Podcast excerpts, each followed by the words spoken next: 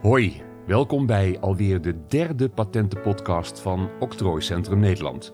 Fijn dat je luistert. Dit keer stap ik in de auto en rijd naar de randen van Nederland, op zoek naar nieuwe smaken. Het wordt een audiotour langs heel bijzonder eten en drinken. Geen grote maaltijden, maar twee ongebruikelijke snacks en een erg verrassend drankje. Voor als je een paar goede vrienden over de vloer hebt en je wilt ze iets unieks aanbieden. Laat je verrassen door, het wordt echt leuk, kaas van cashewnoten, hamburgers van krekels en cider van Zeeuwse appels. Mijn naam is Gerard Oonk en ik ga de komende minuten op bezoek bij innovatieve ondernemers. Ze stellen zichzelf voor. Mijn naam is Charlotte Zoomverde Sieveverding. Ik ben de eigenaresse van Charlie's Always Fair. Ik ben Tom Genbrugge, ik ben masterdistiller en een brouwer hier voor de Holy Spiritus.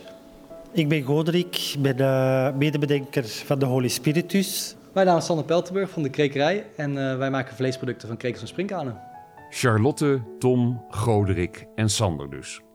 We gaan het hebben over hun drijfveren, over intellectueel eigendom en over duurzaamheid. Met hun producten ga ik langs bij fijnproever Machteld Mosterd om te ontdekken of borrelhapjes ook lekker kunnen zijn als je ze op een verantwoorde manier maakt. Machteld staat graag in de keuken. Ze is voedselfotograaf, blogger en ze doet dus proeverijen. Maar ik vind het ook wel belangrijk waar eten vandaan komt en hoe het geproduceerd wordt. Duurzaamheid is voor jou wel een dingetje? Absoluut, ja. ja. En waarom is dat? Omdat ik denk dat wij niet zo door kunnen gaan zoals het nu gaat. Ja, wat er misschien nu gebeurt is nog steeds een druppel op een gloeiende plaat, maar uh, er moet wel iets gebeuren, toch? En dat betekent dat jij ook minder vlees eet of minder vis en dat je echt op zoek bent naar alternatieve producten? Ja, absoluut. Ja. Ik denk ook dat het, uh, ook voor mijn gezondheid, ik denk niet dat het goed is om heel veel uh, vlees te eten. Is de pan al warm? Volgens mij wel. Eens even proberen. Ja. Later meer van Machteld. Laat ik eerst eens bij onze ondernemers checken of zij vinden dat ze een maatschappelijke verantwoordelijkheid hebben. Sander bijvoorbeeld. Hij heeft een fantastische werkplek gevonden in het voormalig zwemparadijs Tropicana aan de Maasboulevard in Rotterdam. Ik denk dat heel veel mensen van mijn generatie wel echt heel erg met duurzaamheid bezig zijn. Je ziet het heel veel, het komt heel veel terug. En ja, misschien is het een beetje pragmatisch. En als er overgrootouders werd verteld, ja, jullie kleinkinderen gaan er last van krijgen. En onze ouders werd verteld, jullie kinderen gaan er last van krijgen. Wij zijn die kinderen. We merken nu al heel sterk dat er een verandering gaande is. Het klimaat verandert, rampen nemen toe. Ja, wij willen daar niet onze kinderen mee op staan. Ik denk dat het daar een beetje vandaan komt dat de noodzaak bij ons heel erg hoog is. En waarom ik deze kant op ben gegaan. Voor mij was, ik, wil, ik wilde altijd al een eigen onderneming starten. Maar het was altijd logisch dat daar een duurzaamheidsaspect in zat. Dus het is eigenlijk, het mes snijdt aan twee kanten voor mij bij duurzaamheid. Diezelfde bevlogenheid tref ik ook aan bij Charlotte. Voor mij is het heel erg belangrijk om een bijdrage te leveren in deze wereld. Dat is gewoon een persoonlijke drijfveer die ik al heel lang uh, in mij heb.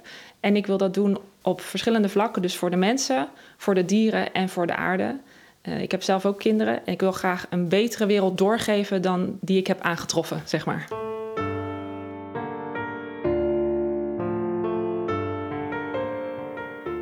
Mijn zoektocht naar drijfveren, ondernemersenthousiasme en het beschermen van nieuwe ideeën brengt me helemaal onder in Zeeuws-Vlaanderen, naar het dorpje Sint-Jansteen. De Belgen Tom en Goderick hebben daar een leegstaande kerk gekocht, waarin ze hun eigen huis, een bed and breakfast, een feestzaal en een ambachtelijke brouwerij willen realiseren. Alcoholische dranken kunnen ze inmiddels maken. Het zijn twee stoere mannen met een nostalgische inborst. In hun vrije tijd verkleden ze zich voor Keltische feesten en hun dranken zijn gebaseerd op eeuwenoude recepten. Wij houden van bepaalde uh, periodes in de geschiedenis en dat komt dan ook, voor zover dat we kunnen, ook regelmatig terug in, in het uh, reilen en zeilen van wat dat we doen. Wij zijn passanten van dit gebouw. Dus het gebouw was er al voor ons. Het gebouw, verwacht dat het er nog na ons ook gaat zijn. Wij zijn een passant, wij komen nu in deze fase van het leven in dit gebouw. En misschien binnen 30, 40 jaar, ik weet het niet, zijn we hier terug weg. Dus wij willen dat gebouw beter achterlaten dan wij het hebben gevonden. Ja. Ook Tom en Goderick willen maatschappelijk verantwoord ondernemen. Wij maken eigenlijk verschillende producten. Beginnen met ons uh, premiumlijn. Dat zijn producten gemaakt hier in Zeeland met zoveel mogelijk grondstoffen uit Zeeland. Het liefst zo dicht mogelijk. En dan het tweede merk dat we hebben is dan Ewan en Ewin, jong en koe geboren in het Keltisch. Verwijzend naar het tweede leven dat het gebouw dan krijgt eigenlijk. En dat is dan producten die gemaakt zijn met grondstoffen die daar hier niet voorradig zijn of niet beschikbaar op dit moment zijn voor ons. Of door bevriende partners van ons gemaakt. Wij zijn de voorstander van duurzaamheid. Eh, wij trachten dat te doen op een manier van de appels te halen van hier uit de regio. Wij maken bijvoorbeeld cider. Cider uh, heeft een restaf van pulp. Die pulp gaan wij nog uitstoken door een type Calvados. De naam Calvados mogen we niet gebruiken omdat we niet in de streek zitten, maar het is wel dezelfde werkwijze.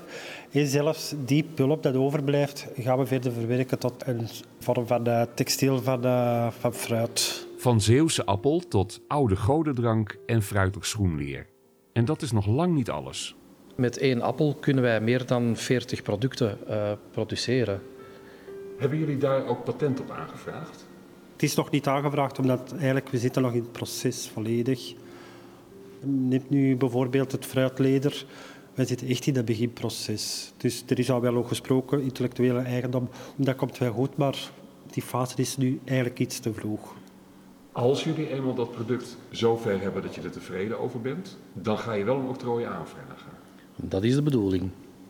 En waarom doe je dat dan? We hebben liever dat we het een beetje zelf in, handen hebben of mee kunnen sturen. Voor een voorbeeld te geven, uh, we zitten hier in een fruitstreek. Er zijn heel veel fruitboeren die het lastig hebben. Nog altijd onder andere naar aanleiding van die boycott met Rusland. En dan is het leuker dat de fruittelers in eerste instantie hier in deze regio er gebruik van kunnen maken, dan dat het ineens naar de multinational gaat. Charlotte van Charlie's All is Fair nam zelf contact op met Octrooicentrum Nederland toen deze podcast op de planning stond. Ze is al een aantal jaar bezig om kaasachtige lekkernijen te maken van de restproducten van cashewnoten. Ze noemt het vegan kaas. Qua intellectueel eigendom is echt een uitdaging op voedselgebied. Charlie's was sowieso de eerste die met vegan kaas in Nederland kwam. Maar als je het wil beschermen, ik heb zoveel adviezen ingewonnen wat mijn mogelijkheden zijn. En voor voedsel is het gewoon heel beperkt. Of het is heel prijzig en dat is gewoon niet haalbaar voor een start-up. Of het is zo ingewikkeld als mensen zo een kleine verandering maken aan je receptuur, dan ben je je rechten alweer kwijt. Dus voor mij heb ik daar niet verder, um, verder naar gezocht. Charlotte heeft overigens wel haar logo en de merknaam Charlie's beschermd. Want zeg nou zelf, die is leuk. Ik vind Charlie zeker een catchy naam, ja. Sander van de Krekerij bevestigt dat het moeilijk is om voor recepten een octrooi aan te vragen. Toch dringt hij wel aan op het vastleggen van je intellectueel eigendom. Als je een eigen onderneming gaat starten, dan is het heel erg belangrijk om na te denken van hoe ga ik dit nou beschermen. Het is een beetje tegenstrijdig, want ik zeg ook altijd tegen elke startende ondernemer: ga zo snel mogelijk de bühne op, ga zo snel mogelijk met mensen praten en krijg je ideeën in de wereld, zodat je zo snel mogelijk feedback krijgt. Maar er komt een punt dat het gaat kantelen. Uh, op het moment dat je echt fundamenteel met technologie bezig bent, dan is het gewoon heel belangrijk om na te denken: hoe ga ik dat beschermen? Dat kan je zelf gaan bedenken, maar er zijn zoveel specialisten uh, in Nederland waar je even langs kan gaan om, om daar even informatie mee in te winnen. En dan kan je nog steeds een keuze maken. Ik, ik patenteer het nu niet. Of ik patenteer het over een half jaar. Of ik ga het traject in, zodat ik alvast erin zit en dat ik, ja, dat ik al beschermd op een manier ben. Maar die keuze kan je dan wel overwogen maken. Daarbij plus, ik denk als je met technologieën bezig bent, eh, vinden investeerders het ook heel erg prettig om in ieder geval iets achter de hand te hebben wat beschermd kan worden. Dus ook in je business case kan een patent heel sterk staan. Uh, dus daarover nadenken is gewoon heel slim. Sander is samen met mede-ondernemer Sjors de oprichter van De Krekerij.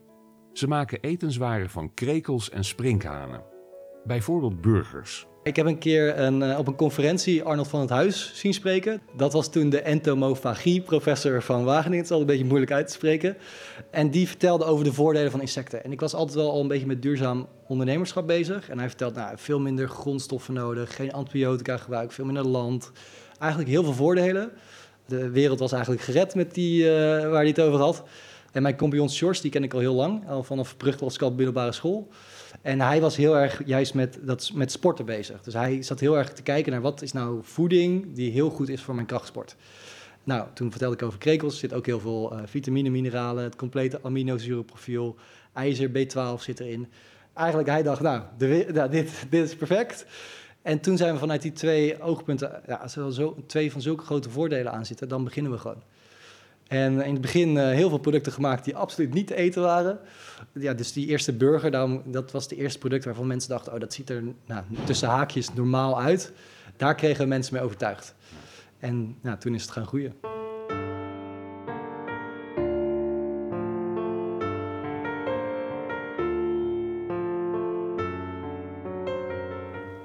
Je moet je voorstellen, door heel de wereld eten mensen krekels en sprinkhanen. Maar in het Westen zijn we dat niet gewend.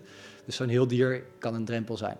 Wat wij eigenlijk doen, wij verwerken ze helemaal en maken er producten van die er normaal uitzien. Dus bijvoorbeeld een burger of een falafelballetje. Eigenlijk zie je aan de buitenkant gewoon een normaal product. We hebben ook vaak mensen die zeggen: Oh ja, maar heb je heel erg met een heel raar kruid gekruid of zo? Nee, dat is de krekel die erin zit.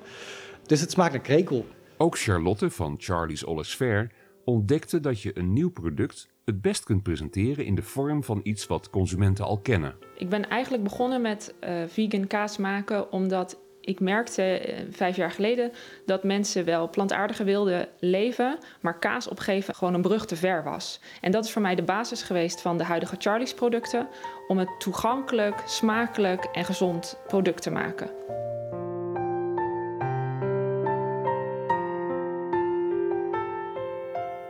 Tijdens mijn bezoeken aan de drie ondernemers heb ik ze ook gevraagd om een soort elevator pitch te doen voor hun producten.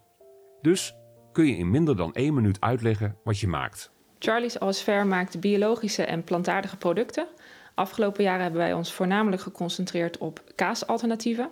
Uh, die noemen we dan zelf ook geen kaas, want dat zijn ze natuurlijk niet. Wij noemen ze Charlie's. Ze zijn gemaakt van biologische Fairtrade cashewstukjes. Dat is de reststroom van de cashewproductie van een boerencoöperatie in Burkina Faso.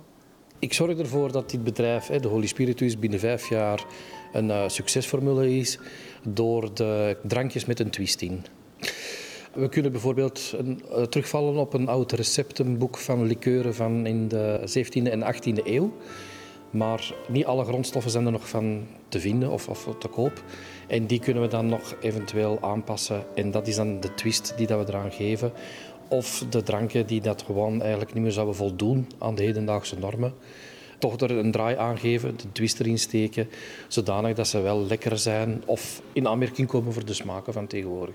Over vijf jaar willen we de grootste insectenproducent van voedingsproducten van Europa worden.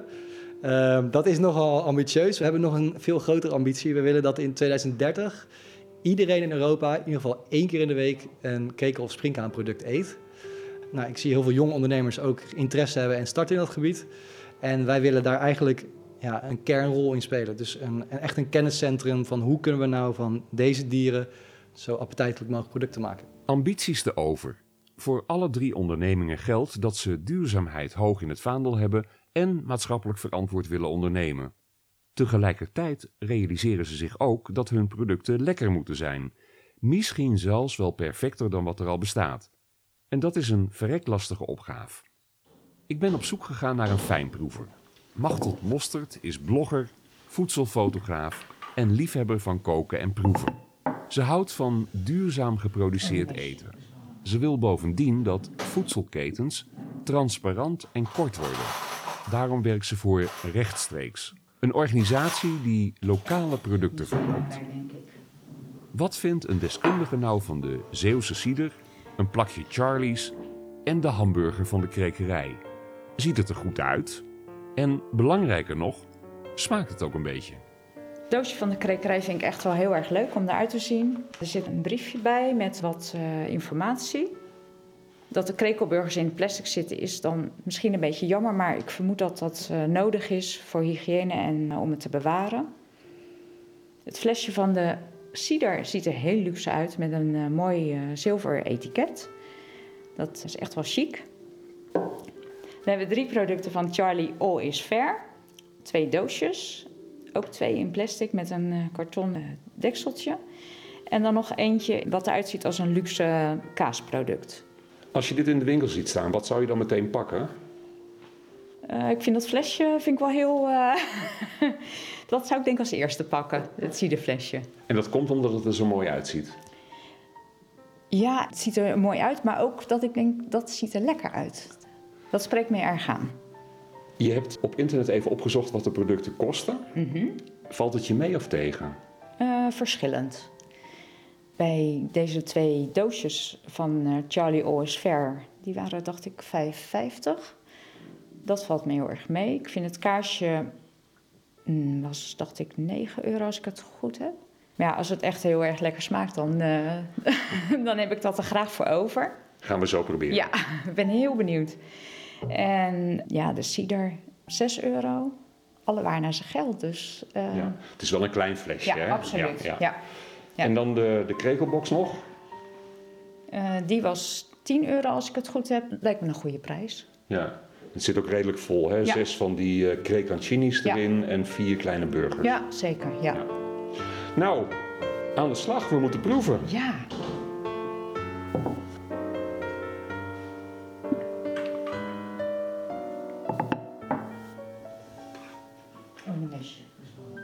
Het ziet er super tof uit. Ja. Wat mooi. Rode bietensaus en dan drie soorten sla erbij. Prachtig. En dan die burger natuurlijk Ja. eh, trots er middenin. Ja.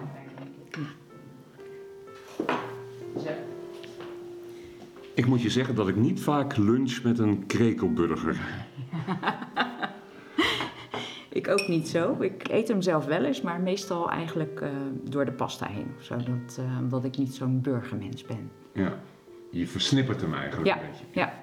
Wil je eens een, eh, een stukje gaan proeven? ja zeker. En dan ga ik eerst een stukje nemen zonder saus. Ja, smaakt goed. Het is een beetje notenachtig. Maar het is niet echt dat je het idee hebt dat je vlees eet. Want ik eet ook wel veel vegetarische burgers en daar vind ik het meer naar neigen. Maar goed, nu moeten we zo ook nog aan de kaas en de drank. Ja, oh, dat is wel een mooie combi. Past nog wel wat in mijn maag hoor.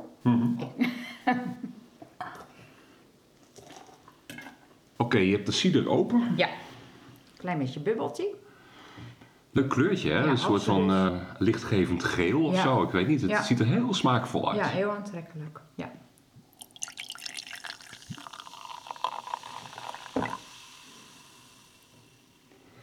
Nou ja, ik wil ook wel graag een klein beetje. Ja, zeker.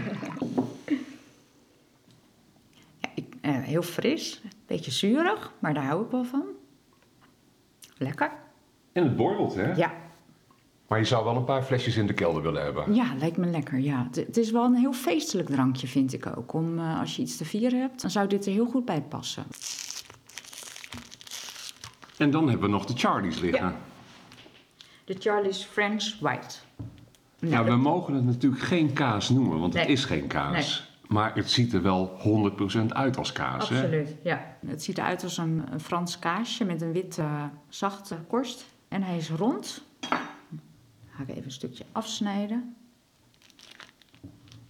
Het voelt minimum zacht aan. Niet heel erg zacht, je snijdt er makkelijk doorheen. Maar de binnenkant Ja. ziet er niet meer uit als Nee, kaas. nee. Mag ik deze? Ja, ga je gang. Ja, ik zit nog even te genieten van de nasmaak, want dat, dat- die is ook wel heel erg lekker. Ja. Eh, je verwacht inderdaad een soort kaas, maar dat, het smaakt toch anders. Maar Ik kan niet beschrijven wat ik proef. Nee. Het is wel een heel lekker borrelproduct. Dit is van cashewnoten gemaakt, toch? Ja. Maar dat is niet wat ik proef. Ik heb echt geen idee wat ik proef. Dat laagje wat er omheen zit, Ja, dat... dat- Mhm. smaakt nog een beetje naar wat je bij Franse kaasjes eromheen hebt zitten. Ja, ja. Maar de binnenkant, echt geen idee. Nee, ook qua structuur is het anders dan kaas. Echt heel lekker. En is dit een blijvertje? Ja, voor een beetje speciale gelegenheden ook. Ik zou het niet zomaar elke avond op tafel zetten. Dat, eh, Ik neem nog één klein hapje. Dit is wel echt iets waar je blij van wordt.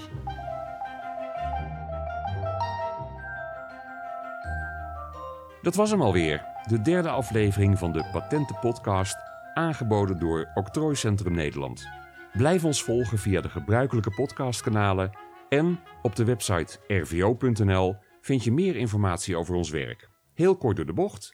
We helpen je graag met alle vragen over intellectueel eigendom en we worden vrolijk van enthousiaste, innovatieve ondernemers. Het zijn voor mij ook vaak de, weet je, de kleine dingen die het maken. En ik heb een keer uh, een van de eerste restaurants uh, waar we producten leverden, was in Nijmegen. En dan een proefmiddag. En dan kwam een mevrouw en die was komen opdagen, ook vanuit dat duurzaamheidsaspect. En, maar die vond het eigenlijk helemaal niks. En die zag die insecten en uh, die, nou, ik zag haar kijken van, nou, dat gaat me gewoon niet worden. Ik ga niet die dieren eten. En toen heb ik even met haar gepraat over de voordelen. Dat vond ze allemaal tof. En zei, zei ze, ja, kan het niet op een andere manier gegeten worden? En ik had nog niet door dat zij niet had gezien dat er ook een burger was. Dus zei, ja, maar er is, ja, ik kan gewoon de burger op menu. Nou, oké, dan ga ik dat proberen. En ze is op het terras gaan zitten. En uh, ik had aan de bediening een beetje gevraagd waar die gaat uitgesfeerd worden. Dus ik kreeg een seintje. Ik zat even stiekem te kijken. En die mevrouw die nam de eerste hap. En ze nam zo heel lang, nou, misschien is mijn verbeelding, maar een heel langzaam hap. En de zon straalde zo op haar. En toen ging ze helemaal glimlachen en nou, was ze echt heel erg blij. Ze had later gezegd dat ze het echt fantastisch vond. En dat ze op zo'n manier het best wel de toekomst zou zien. Als we zo'n moment voor duizenden andere mensen kunnen creëren met onze producten, ja, dan dat is een beetje mijn droom.